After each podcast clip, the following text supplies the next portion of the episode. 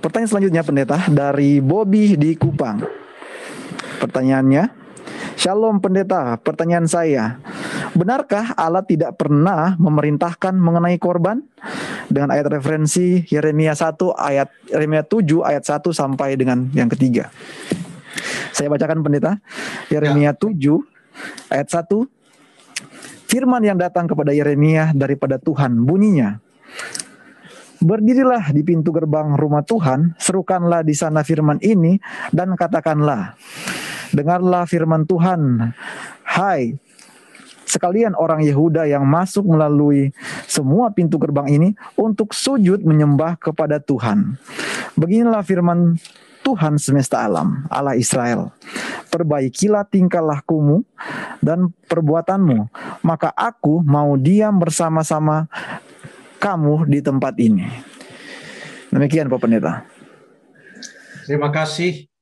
Uh, kira-kira boleh dijelaskan pertanyaannya tak? Seperti saya coba masih coba memahami pertanyaannya. Benarkah Allah tidak pernah memerintahkan mengenai korban?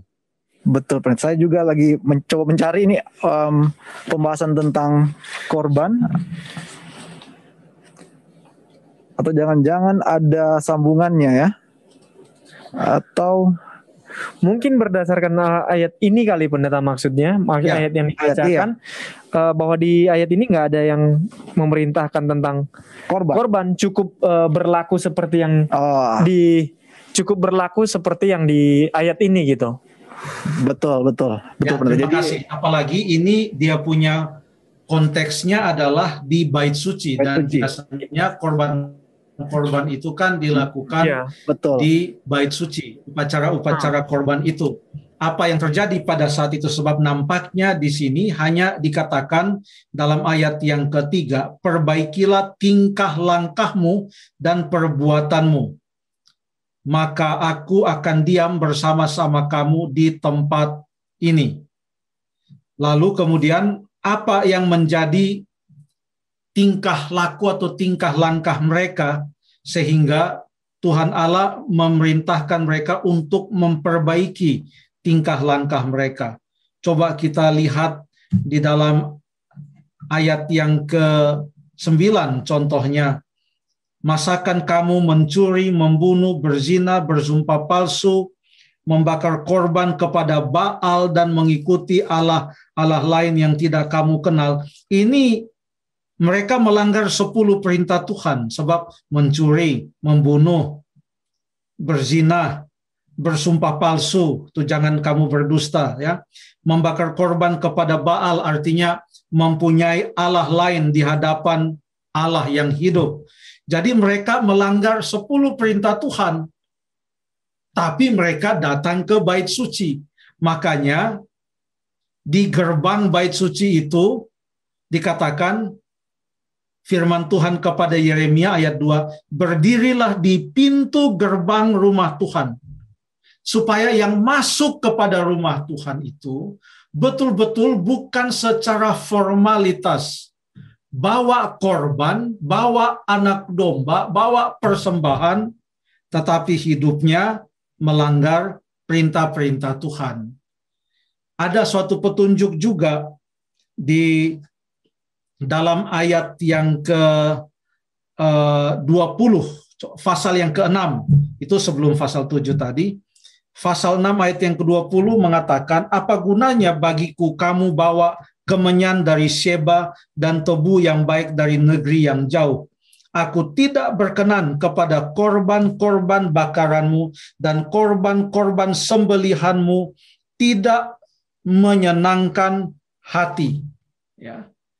Kenapa sampai korban sembelihan mereka, korban persembahan mereka, korban bakaran tidak menyenangkan hati Tuhan?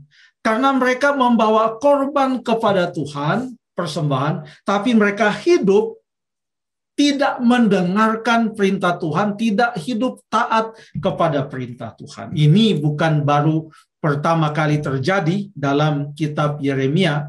Ngomong-ngomong, karena hal seperti inilah makanya mereka dibuang ke Babel. Yeremia ini adalah nabi yang mengamarkan tentang pembuangan ke Babel sampai mereka dibuang ke Babel. Jadi coba kita lihat pernah juga terjadi seperti itu. Kita baca dalam 1 Samuel pasal yang ke-15 ayat yang ke-22. 1 Samuel 15 ayat yang ke-22. Boleh tolong dibaca? Baik, pendeta. 1 Samuel 15 ayat yang ke-22. Tetapi jawab Samuel, Apakah Tuhan itu berkenan kepada korban bakaran dan korban sembelihan sama seperti kepada mendengarkan suara Tuhan? Sesungguhnya, mendengarkan lebih baik daripada korban sembelihan, memperhatikan lebih baik daripada lemak domba-domba jantan. Terima kasih. Di sana sangat jelas mengatakan bahwa mendengarkan dan hidup taat kepada Tuhan lebih baik dari korban-korban sembelihan itu. Artinya, jangan sampai ada orang yang mempunyai konsep sekarang ini ya, kalau dulu kan persembahan korban binatang dan lain sebagainya sebelum kematian Yesus di atas kayu salib. Karena pada waktu Tuhan Yesus mati di kayu salib menurut Matius 27 ayat 51 tirai bait suci tabir itu robek atau terbelah dua. Artinya semua korban-korban itu dihentikan karena korban yang sebenarnya yaitu Yesus Kristus telah mati sebagai penggenapan dari semua lambang-lambang atau korban uh, korban tersebut. Nah, itu dulu. Kalau sekarang ini artinya dari ayat tadi artinya jangan pernah kita berpikir bahwa membawa persembahan yang banyak itu bisa membuat kita hidup tidak taat kepada Tuhan atau jangan sampai kita berpikir bahwa saya tidak taat kepada Tuhan tidak apa-apa. Toh kalau saya ke gereja atau sekarang ini berbakti dari rumah melalui uh, Zoom atau apa pun saja, saya transfer persembahan banyak sekali. Maka kalau saya melawan-melawan sedikit tidak apa-apa. Itu tidak berkenan kepada Tuhan. Jadi itulah maksudnya. Jadi Tuhan Allah bukan melarang orang membawa persembahan. Justru ada banyak ayat yang mengatakan, contohnya di dalam Maleaki pasal yang ketiga, Allah mau orang membawa persembahan dan juga persepuluhan kepada rumah perbendaharaan Tuhan. Ya, terima kasih.